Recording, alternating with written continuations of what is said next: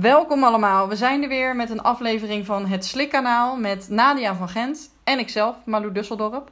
Ehm, we wilden deze aflevering iets anders beginnen dan de vorige afleveringen, want we wilden wat meer vertellen over hoe komt de podcast, hoe dat tot stand is gekomen, hebben we verteld. Maar hoe maken we nu in COVID-tijden zo'n aflevering? Hoe neem je dat nou op, Nadia? Ja, nou, eigenlijk is dat heel simpel. Je hebt het antwoord al bijna gegeven. We nemen het op. Maar dan via Zoom. Dus ehm, we nemen niet de telefoon mee naar de spreker zelf. Maar ehm, ja, eh, via Zoom kunnen we het op die manier eh, regelen.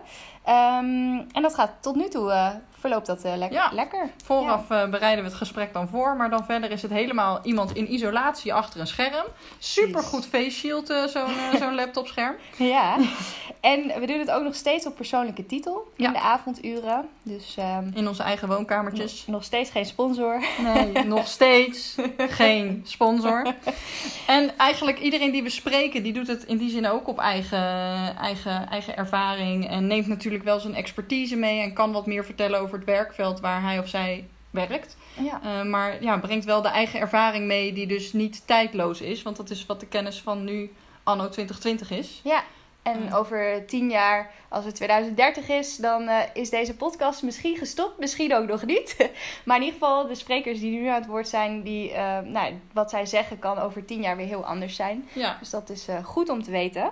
Ehm, dan als laatste nog even een bedankje voor alle vier, vierde sprekers die we hebben Ja, gehad. wat Ehm, hebben we leuke mensen gesproken. ja, Erwin, Ed, Marise, Franka, Merel, hartelijk dank. En eh, nu ook de nummer vijf, dat is Malou. Nicole Terwal. En Nicole is eh, docent aan de Hogeschool Utrecht eh, over onder andere dysfagie. Dus eh, we willen heel graag weten hoe het curriculum in elkaar zit en waar, ja, wat, wat wordt er nou aan onderwijs gegeven over dysfagie. Ehm, nou ja, ik stel voor, laten we haar erbij halen. Yay! Hey Nicole, leuk dat je bij onze podcast bent. Of nou ja, bent, dat we jou eh, hebben uitgenodigd.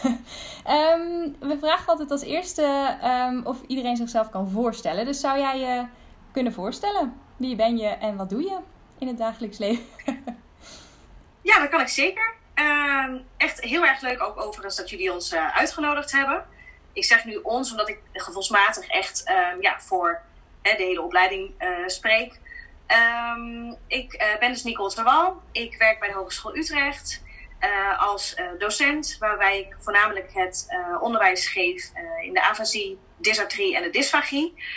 Ehm, daarnaast ben ik ook onderzoeker. En daarbij focus ik mij voornamelijk op de afasie. Ehm, ja, destijds afgestudeerd als logopedist en werkzaam geweest in revalidatie en in verpleeghuis. Maar nu dus volledig bij de HU als eh, docent en als onderzoeker. Leuk. Leuk. Ja. En eh, we hoorden je net al, want we praten vooraf eh, dat we beginnen met opnemen altijd nog even met, eh, met de gasten in de, in de aflevering. We hoorden al dat je voorop loopt op je schedule, want je zou dit allemaal pas gaan doen als je 40 bent, maar je bent het nu al allemaal aan het doen. Nou, ik dacht. ja, Goed ik dacht bezig. dus. Ik dacht, ik word lekker logopedist. En dan ga ik in het eh, in een revalidatiecentrum werken, in een verpleeghuis, in het ziekenhuis. En dan, hè, als ik, eh Als ik een groot 40 ben mens of ben. zo, dan, Ja. ga ik dan, dan word ik docent. Ja, dat kwam gewoon allemaal net iets eerder Ja. dan, dan gedacht. En gelukkig maar, want ik ben, ik ben, of nou ja, gelukkig maar. Ik, ben, ik was heus ook gelukkig geweest als ik als logopedist aan het werk was in de revalidatie of het ziekenhuis. Ehm, maar ik ben heel erg blij eh, Ja, om eh, werkzaam te zijn bij de HU. ja Leuk. wat tof. Ja, Nee, leuk. en, en een winst voor het werkveld dat je ook weer onderzoek, eh, want dat is altijd goed als er meer onderzoek wordt gedaan in de logopedie. Dus eh, tof dat je dat ook doet. Ja, goed. Ja, dat is een leuke combinatie. Ja, zeker. hey, wij willen met jou praten over hoe het onderwijs eh, een beetje eh, aangeboden wordt op de Hogeschool Utrecht. Ja. Ehm, Ja, wij, eh, nou ja, wij werken al een tijdje als logopedist. Ik heb, wij hebben allebei ook op de Hogeschool Utrecht Ja. gezeten. We zijn een Ik klein beetje biased, zoals ze dat Precies. zeggen. Ik kan me niet heel goed meer herinneren precies hoe het onderwijs was. Dus het lijkt me heel leuk om dat even op te frissen en de nieuwe dingen te horen van jou. Kun je dat eh, aan ons eh, vertellen? Eh, ik gok dat je niet heel veel nieuws hoort. Laten we het hopen. Dat, dat hoop ik niet. dat hoop ik niet. Ehm, nee, ja goed. eh, ehm, ik vind het heel erg leuk om het dysfagie-onderwijs te geven. En ehm, kijk, bij ons krijgen ze, krijgen ze de, de basiskennis en de basisvaardigheden mee. waar ze uiteindelijk mee kunnen starten op het moment dat zij ehm, in het werkveld aan de slag gaan. En uh, ja, waar we ons dan op richten is uh, natuurlijk in eerste instantie de anatomie en de fysiologie van het hoofd-halsgebied. Uh, we geven ze natuurlijk heel veel mee over de diagnostiek en over uh, de behandeling. Waarbij het klinisch redeneren wel echt voorop staat. waarom doe je precies wat? welke onderbouwing heb je daarvoor? We, hebben ze, we geven ze een soort van kapstok mee Ehm, waarbij ze onderscheid kunnen, kunnen maken tussen verschillende slikproblemen. Dus we, we houden het boek van de bot houden we heel erg aan, hè, het boek dysfagie. Ja. Um, en daar laten we ze stukken lezen bijvoorbeeld hè, over goh, uh, wat is het verschil tussen de uh, verworven slikstoornissen, uh, veroudering, ehm, maar ook de kinderslikstoornissen de fases, de verschillende slikfases. Mhm. En de etiologie, die natuurlijk ook heel erg uh, kan verschillen. En uh, die kapstok die gebruiken we heel erg om uh, studenten een basis mee te geven. In dat zij eigenlijk ieder persoon met slikproblemen ehm, wel kunnen behandelen. Nou zeg ik ieder persoon met slikproblemen. In ieder geval dat zij, dat zij weten in de basis waar ze moeten beginnen. Ja. Ja, en, ehm, en die soort kapstok kan ik me dus voorstellen is ook een soort van uh, dat je zelf de gereedschapskist zeg maar vult van jezelf met oké, misschien weet ik het nu dan niet, maar ik weet wel welke tools ik kan gebruiken om tot die kennis te komen. Ja, precies, precies. En die kapstok die dient ook heel erg, uh, uh, zeg maar ons, ons onderwijs is in eerste instantie heel erg gericht op toch wel behandeling bij niet aangeboren hersenletsel. Um, en dan wel echt de CVA. Um, oh, er komt hier een kat komt er voorbij. Oh, dat hoort ook allemaal op de podcast. Die wil, wilde je er ook, ook gewoon even meeluisteren. die wilde ook graag meeluisteren. Ook graag wat zeggen trouwens. Um, uh, ja, we, we, richten, de focus ligt wel echt op de revalidatie, zeg maar, naar CVA. Maar uh, door die kapstok um, hebben ze ook wel echte tools om bij andere ziektebeelden bijvoorbeeld uh, de behandeling of de diagnostiek te doen. Ja. Uh, dus het is niet alleen maar uh, dat die casussen voorbij komen. Het is ook echt dat MS, ALS, uh, gewoon normale veroudering, dat komt, dat komt ook echt wel voorbij. maar de focus ligt in eerste instantie bij toch de revalidatie. Um, ja, en die kapstok die, die helpt studenten wel echt heel erg om te bepalen wat ze, welke diagnostiek ze moeten doen en eh, welke behandeling ze moeten geven aan een bepaalde patiënt. Ja, ja. ja ik weet ook nog wel, ik, je noemt net uh, anatomie en fysiologie. Ik weet nog zo goed dat ik dat in het e-, eerste jaar kreeg. Ik weet niet, doet nog steeds die uh, Vlaamse arts dat of niet? In, uh, in een, een, paar uur of zo uh, werd echt alles aan de anatomie. Weet ik nog naar een hoorcollege er doorheen geramd. Dat ik echt dacht, oh wauw, moet ik dit allemaal weten? Help. En we hoorden net ja. van Nicole al even dat je maar zoveel procent onthoudt. Dus ja. jij weet er helemaal niks meer Nee, ik weet helemaal niet. Maar ik heb wel, en daarom wilde ik het eigenlijk noemen. Omdat uh, ik, heel veel van die aantekeningen heb ik er dus nog wel later bijgepakt. En het is nooit meer echt in het onderwijs specifiek die lessen zijn teruggekomen. Want dat is ook een beetje natuurlijk, hè, dat hebben we nu besproken. Nu moet je daar zelf gebruik van maken. Dus enerzijds jammer dat daar niet meer tijd voor kan zijn, omdat er ook andere zaken besproken en geleerd moeten worden. Maar dat ik dat wel enorm waardevol vond en echt nog tot in mijn werkende leven ook nog wel eens gebruik heb gemaakt van die aantekeningen. En ik echt nog zo helder voor ogen die Vlaamse arts met haar grijze haar en zo'n bob had ze ook. Ik weet het echt nog. Nou mijn ervaring, jongens. Sorry. Ja, mijn ervaring. Uit.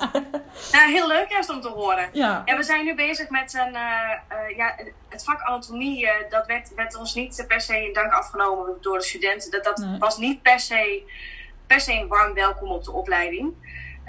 Um, terwijl het wel, ja, het is gewoon een ontzettend belangrijk stuk natuurlijk ja. van, van ons hele vak. Ja.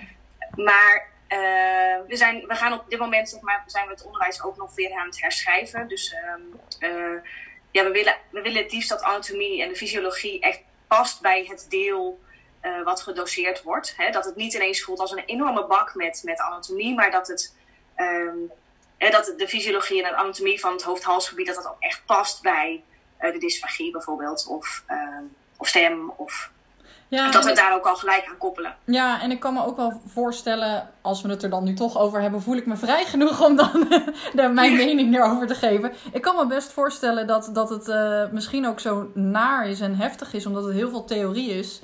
Eh, zo heb ik het toen de tijd ervaren. Ik weet niet of dat voor jou ook zo was. Bij maar mij is dit echt een ver van mijn bedshow, heb ik het idee. Dus daarom vind ik het zo leuk om te horen hoe het nu gaat. Want ik kan me niet meer zo goed herinneren Oh, hoe ik het weet was. echt joh. Heel erg dat het voor mij waren het heel erg theoretische hoorcolleges die ik heel interessant vond wel, maar heel, heel plat bleven zeg maar. En als ik dan Ja. zie hoe leuk en interessant ik het nu vind, omdat het veel meer leeft, omdat ik viesbeelden, slikvideo's, eh, patiënten zie, eh, waardoor je het aan elkaar kunt koppelen. Eh, nou ja, dat, dat gerouw op, op je dakgevoel, je omschrijft dat zo Nicole. Ik, ik kan me daar echt wel in vinden dat ik toen als, als, als eh, student dat ook wel eh, zo ervaren heb. Dat het zoveel is. Ja, het is gewoon heel veel. Ja. Ja. Ja. Dus ja, nu ehm, ja, koppelen we het wel ook echt aan, ehm, ja, aan de inhoud. Om het, het- het is ook allemaal inhoudelijk, maar wel om ook het vervolg te laten zien van waar heb je deze kennis nou echt precies voor nodig. Ja, Goed. Ehm, en het is eigenlijk wel leuk dat jij zegt hè, die, eh, dat, dat, je het, dat je het toch nog steeds wel gebruikt. ehm, maar dat je het fijn vindt omdat je nu weet hoe je dat bijvoorbeeld moet koppelen aan, eh, aan de fees eh, en dergelijke. Ehm, ik weet niet of jij dat zelf hebt meegemaakt, dat we de fees eh, uitvoeren op de HU. Ja, ja, ja, dat weet ik ook nog goed. Ik weet dat er ook een meisje flauw viel in de les. Oh ja, oké. nou, dat skippen we even. Dat, Ja. dat heb ik dus niet gehad. Dus, eh, Dat je flauw viel. Nee, ja, ook niet. Maar ook niet dat er vies. eh, Dus dat hebben jullie nu, dat doen jullie nu dus. eh. Jazeker, Ja. ja. ja. Bij elke eh, klas, zeg maar, of tenminste komen ze in kleine groepjes, eh, doen we de fees met hen. Dus ze kunnen zich zeg maar, vrijwillig opgeven ook om de fees te ondergaan. Ehm, ik heb het natuurlijk zelf ook gedaan, want ja, ik, ik kon het niet maken om die studenten het te laten ondergaan en zelf Nee te dat, zeggen. dat niet te willen. Nee. Ehm, ja, en of mee te kunnen praten inderdaad. Ja. Ehm, dus wij laten inderdaad eh, de studenten een vies eh, ondergaan. En ehm, ook om heel erg te laten zien van goh, zo zien die structuren eruit. Ik kan het wel op een filmpje laten zien, maar toch op het moment dat- dat we daar zitten met z'n allen en eh, iemand zo'n slang in zijn neus heeft hangen, dan ineens wordt het veel eh, ja, realistischer of zo. En dan ineens zien ze, oh ja, inderdaad. En dan die epiglottis eh, die zit daar. En ja. nu kan ik de slik toch heel even zien, ondanks dat ik een, een, een wit scherm kort zag. Ehm, het borrelen, eh, of dat, dan vragen we de studenten ook wel bijvoorbeeld om eh, te boeren, voor degene dan die dat kan. En zodat je heel eventjes die slokdarmmond eh open ziet gaan. Ehm, dus op die manier ja, komt toch de anatomie en de fysiologie nog meer tot leven. ja, en wordt ook wel heel erg duidelijk hoe een normale slik eruit ziet. dat Hè, is dus hoe-. Ja. Ehm, ja, hoe gebeurt dit normaal? En eh, studenten schrikken altijd heel erg van eh, bijvoorbeeld aanslag op de tong, weet je wel. En dat ze zeggen, het is allemaal normaal. Ja. Ehm gut, het ziet er daar uit als een oorlogsgebied. Ja, dat is echt normaal. Ja. Ja. Ehm, ja. Ja. Eh, en ja, voor hen wordt het dan zo duidelijk van hoe zo'n normale slik eruit ziet, hoe het daar van binnen eruit ziet. En dat ze ook veel beter kunnen koppelen, ehm, of veel beter kunnen begrijpen wanneer het dus niet goed gaat en waar het niet goed gaat. Ja. Hè, in welke fase gaat het dan niet goed? En eh, ja, hoe ziet die behandeling er dan uit? Oh ja, nu snap ik gewoon veel beter dat eh, behandeling A past bij ziektebeeld X. Ja, Ja. inderdaad. En hoeveel, hoeveel, of welke jaren ehm, wordt het aangeboden? Is dat nog steeds in jaar 2 uit mijn hoofd? Het is maar echt ver gezakt. Het is echt eh, interessant. Wat ja, de grootste, de grootste bubs zeg maar, zit, in, eh, zit in jaar 2 inderdaad. En eh, in jaar 3 komen we er zeker op terug. En dan krijg je toch wel eh, de meer complexe casuïstiek. Eh, dus in jaar 2 behandelen we het meer geïsoleerd. Hè. Dan heb je niet en de afasie en de dysfagie. En dan vaak ook nog hè, de apraxie of eh, de cognitieve problemen. Die komen in jaar 3. Mhm. maar de basis wordt gelegd in jaar 2. Oké, helder. Ja. Ja. Maar dat is wel, ehm, ja, we hadden het er net al eventjes over. Het is dan wel vrij veel ehm, wat een student moet kunnen. Eh, stel ze willen in een verpleeghuis, ziekenhuis werken. Ehm, hoe zien jullie dat als, eh, als hogeschool zijnde? Um, heb je het idee dat jullie alles in, dat, in die jaren kwijt kunnen? Of, of kun je daar iets over vertellen? Alles wat ik wil? Nee. Nee. Uh, kijk, als we alle. als ik zeg maar alles. Misschien hè, als we alles wat de student tegen zou kunnen komen in de praktijk, als we dat zouden gaan behandelen, dan, ja, dan wordt de opleiding uh, 6, 7 jaar. Um, nou, oké, okay, ik zou er wel blij van worden hoor, als we een jaartje extra bij mogen. Maar um, ja, we moeten toch echt kijken naar wat is, wat heeft de student nodig, of wat heeft de beginnend logopedist echt nodig? Wat is need to know? En wat zijn uh, dingen waarvan we denken, oh, dit is eigenlijk heel leuk om te weten en heel interessant om te weten en goed om te weten op het moment dat je daadwerkelijk kiest voor dit vakgebied. Um, maar uh, misschien niet, maar niet voor de basis. Je, hebt, je hebt de studenten die bij ons afstuderen krijgen toch een diploma waarmee zij zowel uh, uh, kinderen met taalontwikkelingsstoornissen kunnen behandelen als de volwassen kant, de dysfagie, de afasie. En daarbij moet je dus altijd nadenken van wat, wat moeten wij aanbieden um, en hoeveel tijd houden we dan eigenlijk nog over om de dingen te vertellen die ook leuk zijn, of die je dus nodig hebt als je kiest voor het vakgebied. Maar dat we dan ook heel duidelijk maken van als je hier meer over wil weten, uh, verdiep je er dan bijvoorbeeld in. Of uh, door, door de minor die wij uh, aanbieden. En de podcast. Um, wat zeg je? En, en de, de, podcast. Natuurlijk, en de podcast. Mooie zelfpromo dit. Ah, dank je. hey, maar Nicole, we hebben het dan nu inderdaad van... Je geeft heel duidelijk aan... we hebben een, bepaal, een beperkte hoeveelheid tijd. In die beperkte hoeveelheid tijd moeten we ook nog een hoop andere zaken leren. Want je wil een breed getrainde logopedist afleveren. Nou, dan blijft er een, een bepaald ja. stuk van de taart over... om dysfagie lessen te geven. Ja. En dan moet je zelf als docententeam de keuze maken... nice to know, need to know. Heel concreet, wat valt er dan binnen dat stukje... als we dan kijken naar het curriculum op de HU... binnen het stukje dysfagie, need to know? Waar leggen jullie dan de focus op? Dus anatomie, fysiologie noemde je net. Vies. Ja. Vies. Uh, hè, dus de, uh, nou ja, de vies is een, is een middel natuurlijk om, het duidelijk, om bepaalde dingen duidelijk te maken. Uh, dat is niet een need to know, maar eh, wel echt om het proces duidelijk te maken. Ehm, je moet weten hoe de normale slik eruit ziet uh, en hoe dat werkt. Ook om te zien waar, ook om te weten wanneer het daadwerkelijk niet goed gaat. Um, ik vertelde je over die uh, kapstok. Um, en vervolgens gaan we heel erg kijken uh, van welke uh, diagnostiek moet ik afnemen om erachter te komen waar het precies fout gaat. Hè, welke informatie heb ik nodig? Um, als je een bepaalde overdracht krijgt, oké, daar staat al informatie in. Wat weet je dan al? Wat moet je nog te weten komen, bijvoorbeeld? Hè? Dus, en welke diagnostiek ga je dan doen? Um, ook met welke reden? Waarom wil je dat dan precies weten? Hè? Dus waarom wil jij dan die sensibiliteit weten? Hoe zit dat dan? Want wat kan er dan fout gaan op het moment dat iemand sensibiliteitsstoornis heeft? Um, dus we focussen ons heel erg op, uh, de, op de diagnostiek. Waarbij we kijken echt naar sensibiliteit, naar motoriek, uh, naar um, de ladingsheffing, naar de nasaliteit, uh, naar de, überhaupt de slik.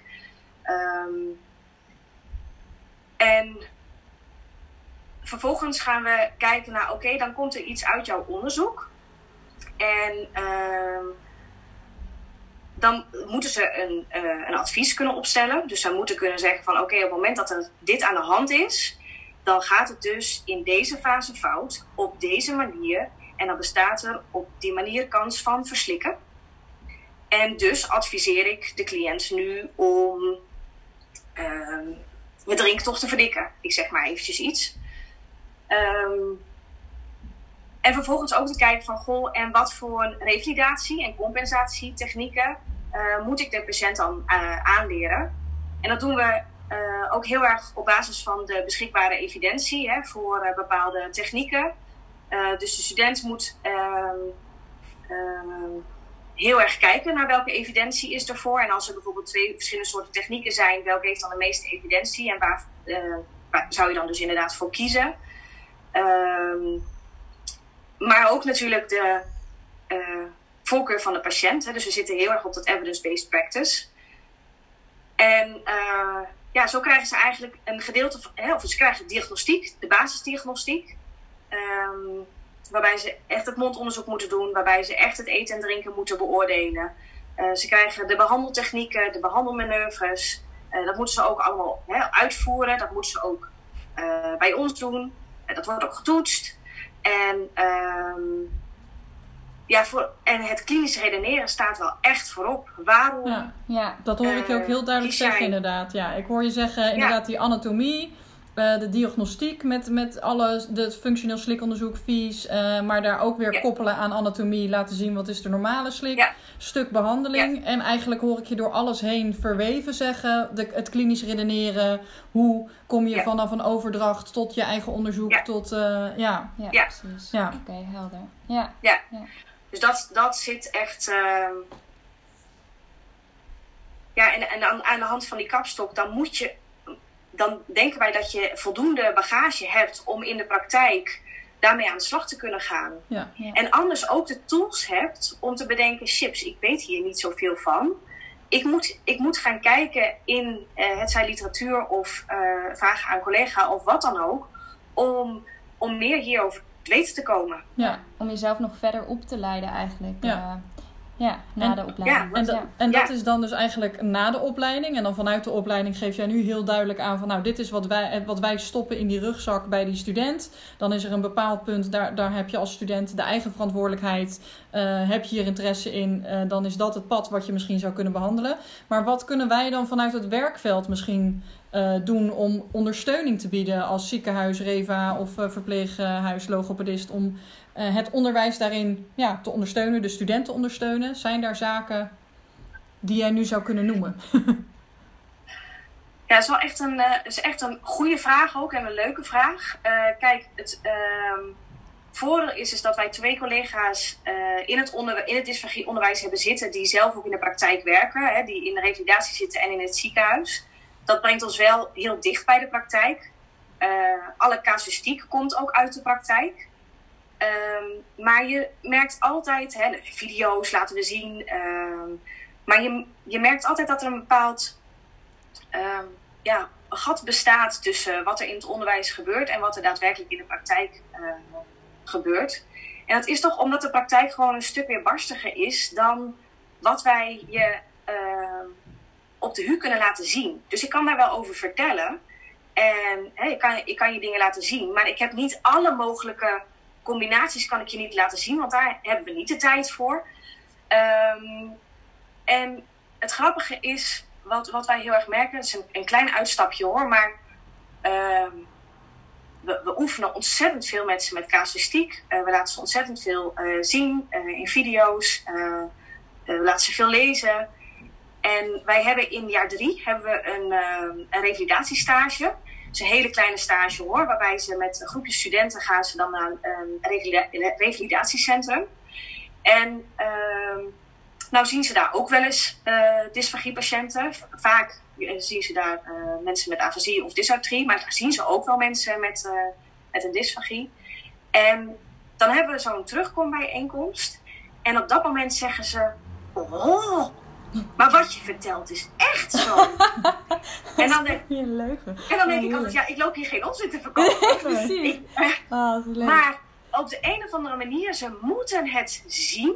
Ja. Voordat ze daadwerkelijk echt, uh, ja, toch... Op, op dat moment zie je gewoon allemaal kwartjes vallen. Ja. Net zoals met die vies. Daar zie je ook kwartjes vallen. Ja. Maar die patiënten hebben ze nodig om die, die kwartjes te laten vallen. Ja. En... Um, ja, dat betekent toch wat, wat wij, of tenminste wat ik uh, zelf merkte, ook als logopedist, ook als student zelf. Ik vond dysfagie best wel spannend. Want mijn hemeltje, had je een, een, verantwoordelijkheid ineens naar die patiënt, want hij zou zich toch verslikken of hè, wat dan ook. En als uh, stagebegeleidster dacht ik, nou, wat als jij daar een, uh, weet ik veel wat in stopt. En uh, diegene verslikt zich inderdaad ontzettend. En ja, vond ik dat ook wel heel erg spannend. Terwijl eigenlijk, ze moeten het leren om, om door het te doen. Ja. En ze moeten de mogelijkheid kunnen krijgen ook om het te zien. Ehm, om, om toch maar dan hele kleine dingen te proberen. eh, weliswaar onder begeleiding. En eh, ik heb nog wel eens het gevoel dat er een beetje terughoudend wordt gedaan vanuit be- bijvoorbeeld ziekenhuizen. Zo van, oef, dit is toch wel heel ingewikkeld, eh, die dysfagie. En je hebt toch wel ontzettend veel kennis nodig. En ontzettend veel vaardigheden. En we zien hier mensen op de IC. En, ehm, ja, dat klopt. Eh, maar ja, als de student daadwerkelijk daar heel erg interesse in heeft, dan moet hij ook de mogelijkheid kunnen krijgen om, om dat te zien en om daarmee te oefenen. Dus ja, weet je, dan is mijn vraag, die is logisch, maar ja, dat zal dan toch zijn van, eh, goh, wie weet, eh, kan je nog eens nadenken of je misschien toch eh, een stagiaire wilt zien en, en wil begeleiden. Maar ook zit ik me nu te bedenken, zou het best leuk zijn, zit ik me nu te bedenken hoor, zou het best leuk zijn om, weet ik veel, een dagje in het leven van Malou of een dagje in het leven van Nadia. Op, weet ik, gewoon dat je, dat je vertelt hoe ziet je dag er nou uit. Je trekt die witte jas aan en dan Ja. ehm, om toch, ik kan het wel vertellen, maar soms als iemand anders het vertelt die Ja. Ja, precies. daadwerkelijk een bepaalde dag heeft doorgemaakt, dat dat toch nog weer anders is. Ja. Nou, en misschien Ja, is die drempel... Ja, want ik zit nu te denken, dat is super tof. En ik weet dat ik... Weer een nieuw project. Ja, Yay. nee, maar dat, dat ik, ik zelf als student dat ook super graag wilde. Maar dat ik eigenlijk gewoon, nou ja, niet de ballen had, om het maar zo even te zeggen. Om een logopedist wildvreemd op te bellen en te zeggen: Joh, mag ik gewoon een keer met jou meelopen? Niet vanuit de opleiding, niet omdat het moet, maar gewoon omdat ik dat heel graag wil. Dat is zeker, vond ik als student heel erg van: Oh, maar jij bent al logopedist. Jij bent het al. En ik Ja. durf jou echt niet lastig te vallen. Terwijl, ja, misschien, misschien staan meer. We hebben, we hebben allemaal een tijdtekort. Dat hebben jullie binnen de opleiding. Dat, we hebben allemaal uren te weinig overal. En niemand heeft eigenlijk de tijd voor alles wat we willen doen. Ja, Maar op zich, oprecht, denk ik dat als ik een keer gebeld zou worden door iemand, dat ik best zou zeggen: Ja hoor, prima. Dan doen we Ja. jou ook een witte jas aan en huppel achter me aan en gezellig. En maak ik een paar flauwe grappen. Haal jij een paar keer koffie. Nou, we even it out. En dan eh goede deal. Weet je dat? Ja. Zeker. Ja. Maar ja, ik kan me best voorstellen dat dat. Mij had dat echt super veel laten zien, denk ik. ja, ik heb dat gedaan. Bikkel? Eh, schouderklopje. Ja, nee, ja. Echt? Ja. Ja, wel heb leuk. In een ja. ziekenhuis. Ik wilde ook Ja. weten hoe het was. En eh, een dagje meekijken in eh, wat jij zegt. Dat is heel erg waardevol geweest. Ja, dan wist ik dat ik die Ja. richting op wilde. Ik vind je echt heel cool nu. Thanks. maar goed idee, Nicole. Ja, echt. eh, ja weet je, Ja. het is. eh, en, en jullie zijn ook. Jullie werken ook in het ziekenhuis. Jullie zijn daar ook gekomen, snap je? Maar- Ja. En, maar ook. Maar niet met, nee. met alle bagage die je nu hebt. Ja, Nee. nee, En je bent ook, ook ergens Goeie. gestart. En Ja. Ja. zo moeten we ook kijken naar de studenten die we nu hebben. Ja, natuurlijk had ik, eh, had ik inderdaad die zevenjarige opleiding misschien wel gewild. Studenten denk ik liever niet. Maar ja, zo is het nou helemaal niet. We, Nee. we leiden een, eh, een heel brede logopedist op. En Ja. verder eh, moeten ze het ook in de praktijk leren. Ja. Net als autorijden. Ja, klopt. Ja, je je krijgt hebt ook je rijbewijs kwijt eigenlijk nog net niet. Nee, je hebt je diploma, maar nou Je moet je nog rijden. Ja, precies. Ja. Hey, oh, ja. Oh, ik heb een vraag. nee. Ehm, het, is, het, het klinkt allemaal heel goed. En ehm, ik ben wel benieuwd, even, want we hebben het daar nog helemaal niet gehad, over gehad in de podcast. Eh, het COVID-corona-gedoe. Hoe doen jullie dat nu? Even een eh, side eh, Ja, is leuk. Ehm, nou, sowieso toen natuurlijk heel COVID kwam. eh, wij kregen ook de schrik van ons leven, want we mochten niet meer naar de HU. Eh, En alles moest ineens online. Eh, wat, wat, ehm, er ging een wereld voor ons open en tegelijkertijd een wereld voor, voor ons dicht.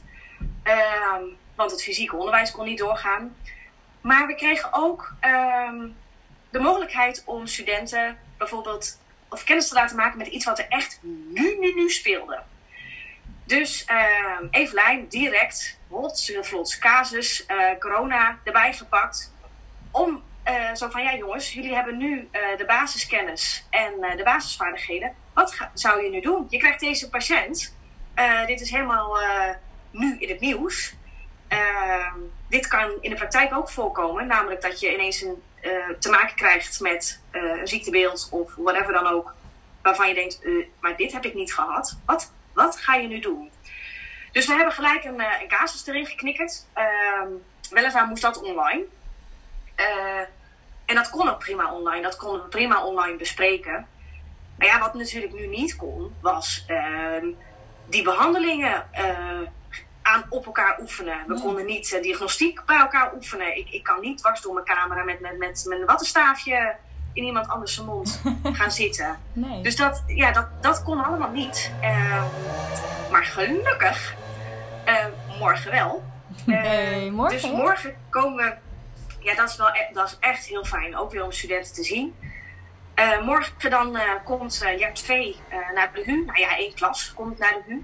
En die verdelen we natuurlijk over verschillende lokalen. Want ja, we kunnen nu niet meer met 26 in één lokaal. Dus dat zijn er uh, zes uh, per lokaal. Um, wat een ruimte ineens. Ja. Um, maar goed, dat betekent wel, we willen nog steeds dat die studenten uh, toch op elkaar oefenen. Dat ze op mij oefenen. Ehm, niet alleen maar met de diagnostiek, maar ook met de behandeling. Ja, daar, daar moet je toch best wel dicht bij elkaar in de bubbel komen. Maar dat betekent wel dat er nu bescherming moet zijn. Ah. En dus die is, dat is besteld. En dat betekent ook dat elke student dus met een mondkapje, face shield en uh, handschoenen uh, naar binnen komt. Kijk. Uh, voordat hij bij ons mag gaan oefenen. Ja. om zo toch het onderwijs mogelijk te maken. Nou ja, dichter ja. bij de praktijk kom je wat dat betreft niet. Want dat is ook hoe we er nu allemaal bij lopen met face shields en mondkapjes en, en handschoenen aan. Dus ja. Ik bedoel, ja, een hele goede demo uh, wat dat betreft. Maar wel een hele interessante ja. andere manier, denk ik, ineens van lesgeven dan voorheen. Precies. Ja, absoluut. Ja. Absoluut. En uh, hè, het, online ook. Ik bedoel, ik denk dat, ik denk dat het voor uh, heel de wereld, om het maar even zo te zeggen, goed is geweest dat we is, hebben gezien wat er wel kan online. Maar uh, ja, als je toch zo'n opleiding hebt als logopedie, waarbij je echt uh, de studenten opleidt tot hè, een. Ze hebben een praktisch beroep. Ja, dat, dat kan niet online. Nee. Je moet daarvoor bij elkaar zijn. En uh, ja, een hoorcollege, dat kan, ik, dat kan ik online geven. Dan kan je misschien nog wel drie keer luisteren. Hè, als het puur overdracht van informatie is. Maar dan kunnen ze het ook lezen misschien. Of, dat, dat kan online. Maar het, het oefenen op elkaar, dat, dat kan niet online. Die nee. uh, bij iemand doen, dat kan niet nee. online. Um, ja. Uh, ja. Dus morgen is de dan, dag. Dan moet het.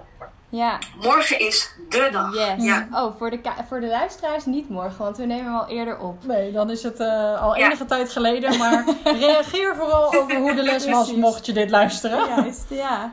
Hey, we zijn bijna, bijna aan het einde alweer van ons, uh, van ons uh, geplande gesprek. Uh, waar we nog heel benieuwd naar waren, en het was ook wel een vraag die vanuit het werkveld kwam.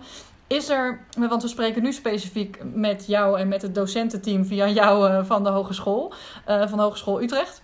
Maar is er ook landelijk, hoe werkt dat? Is er landelijk contact met docenten van andere hogescholen, opleiding logopedie? Of trekt iedereen zijn eigen plan en gaan we ervan uit dat we allemaal hetzelfde vertellen?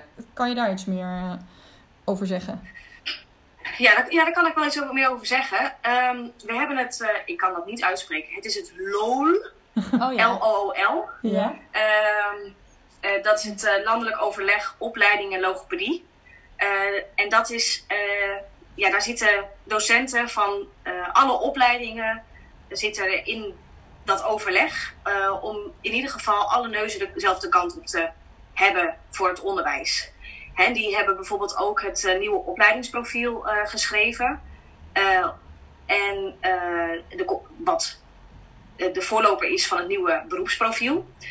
En uh, ja, daar, wordt, daar in dat opleidingsprofiel staat beschreven wat er tenminste in de opleiding naar voren moet komen. Maar dat is niet zo gedetailleerd beschreven dat um, hè, welke behandeling moet die, de logopedist dan precies kennen of uh, welke diagnostiek moet diegene afnemen. Zo gedetailleerd staat dat niet uh, op papier. Hè. We, we hebben wel.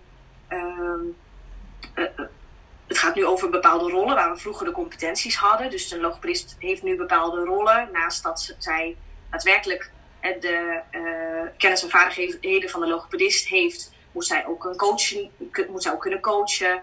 Moet ze goed kunnen communiceren met de patiënt, maar ook met eh, andere zorgprofessionals. Dus op, op dat niveau wordt er sowieso heel veel samengewerkt met de andere opleidingen. Ehm, daarnaast hebben we elk jaar hebben we een, uh, een docentendag, een landelijke docentendag, waarbij uh, nou, de docenten die dat willen, dat we bij elkaar komen. En dan is er ook altijd een thema wat, wat leeft. Um, bijvoorbeeld um, hoe het zit met de, de digitale wereld. de e-health bijvoorbeeld. Hoe staan we daar nou eigenlijk in? Hoe, wat vinden we daar nou van? Moeten studenten, uh, wat moeten studenten daarvan weten? En dan discussiëren we daar wel over. Uh, maar als ik kijk naar hè, het puur uh, inhoudelijke, als we dan even over dysfagie bijvoorbeeld hebben, dan um, heb ik niet zo direct contact met een andere opleiding. ik denk dat we dat misschien nog wel eens vaker zouden willen, maar dat ja, ook daarin ontzettend uh, een rol speelt. Uh, maar ik kan me ook niet voorstellen dat we allemaal heel anders denken over de basis. Ik, dat kan ik me eigenlijk gewoon niet voorstellen. Ik denk wel, wat wel zo is, is dat elke opleiding zal een bepaald speerpunt hebben of, of een, pareltje. Um, of zich bijvoorbeeld meer focussen op de dysfagie of meer focussen op de afasie of meer focussen op um, de dysartrie. En ik denk dat dat prima is. Maar ik denk wel dat we in de basis, dat we daar hetzelfde over denken. Ja. Dat durf ik wel zo te zeggen. Maar... Ehm, ik ben nu wel heel nieuwsgierig naar wat dan het pareltje is van de humor. Misschien zet ik je daarmee heel erg voor het blok als ik dat zo vraag. Dus dat, als je zegt nee, nou... Nee, nee, nou, nee wij, nou ja, wij focussen ons heel erg op afasie. Ja. Uh, denk ik wel. Ik denk... Uh, uh, wij bespreken bijvoorbeeld het Alice Young model heel uitgebreid. Dus we kijken heel erg op uh, detailniveau van waar het misgaat. En ik weet wel dat dat niet op elke opleiding gebeurt.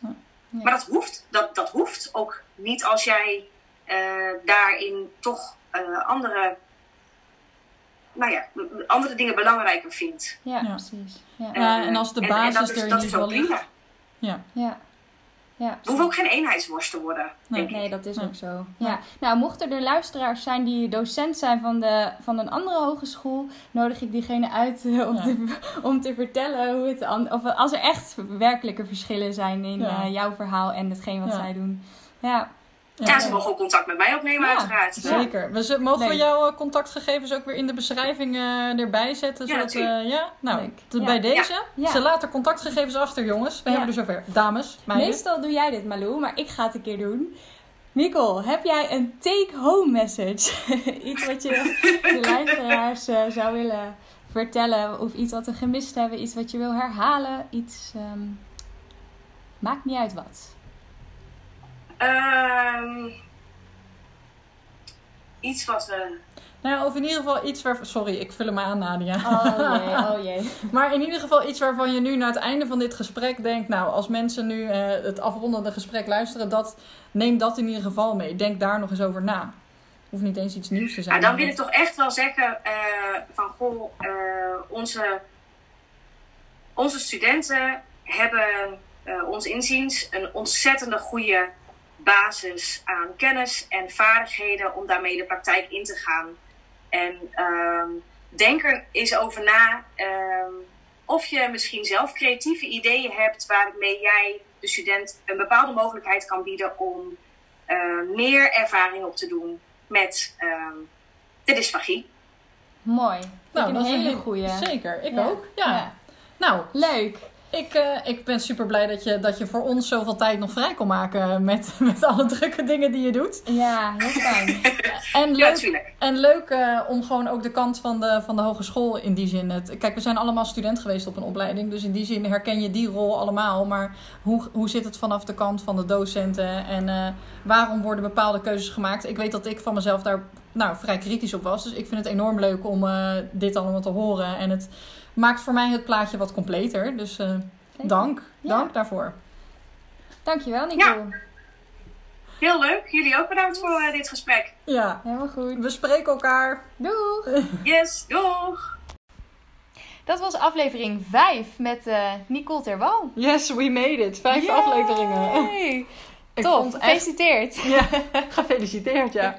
Ik vond het super leuk om wat meer te horen over het onderwijs. En eh, nou ja, we hebben allebei natuurlijk ook gewoon onderwijs gehad hierover. En dan heb je er vanuit studentoptiek een mening over. Maar leuk om nu dan te horen hoe de docenten erover nadenken. En nou ja, wat wel niet anders zou kunnen. En eh, waarom ze de keuzes maken die ze doen. ja en ook, eh, ook heb ik wel stagiaires begeleid. Wat ook leuk is om te horen hoe die dan nu, op nu, op dit moment, het onderwijs krijgen van Nicole Ja. en collega's. Ja. Ehm, maar nog vijf te gaan, denk ik, hè? ja, ik denk dat we nog wel even door moeten gaan. We hebben nog Ja. zoveel mooie paarden op stal die staan te trappelen. We Precies. moeten. We hebben Ja. geen keus. Helemaal goed. Het is. We kunnen alvast met potlood zeggen dat eh, een van de onderwerpen over zondes gaat, over COVID. Ehm, dus eh, stay tuned. Vies, vies gaan we het over hebben. Zeker. Ja, ja. En wat ik heel erg leuk vind, en jij denk ik ook, Malou, is dat we ook steeds eh, nieuwe collega's spreken. Ja. Die we normaal niet zo vaak zouden spreken, of zelfs helemaal niet. Die krijgen we nu eh, op een hele leuke manier eh, te spreken. En we worden er zelf een beetje slimmer van. Ja, want het, vooral ook dat ehm, ik zou. Je kan natuurlijk makkelijk collega's opbellen. Maar in de praktijk doen we gewoon niet zo snel dat je even iemand opbelt om een half uur te kletsen over. Hallo, waarom doen jullie nou het onderwijs zoals jullie dat doen? Klopt. Dus dat vind ik eh, wel heel tof. En ik merk ook wel dat we eigenlijk allemaal gewoon heel makkelijk te benaderen zijn. Dus misschien zouden we dat ja, makkelijker en meer moeten doen. lijkt Want me heel leuk. Ja, we vinden van het de allemaal- podcast. Ja, nou ja. we vinden het allemaal zo leuk om over ons vak te praten. Dus waarom zouden we dat dan niet met elkaar doen? Helemaal goed, ja. hey, maar aflevering 6 dus komt er. Zeker, ja. Grote J. Ja, Wie gaan we spreken, Nadia, in aflevering 6? we gaan spreken met Bas Heijnen van het LUMC in Leiden dus. Ehm, hij heeft een eh, proefschrift geschreven. We hebben het boek hier eh, voor ons liggen. Ik ga de titel niet uitspreken, is veel te ingewikkeld. Ik zeg allemaal luisteren. Tot over. Twee weken. Ja, Toedeloe! doei!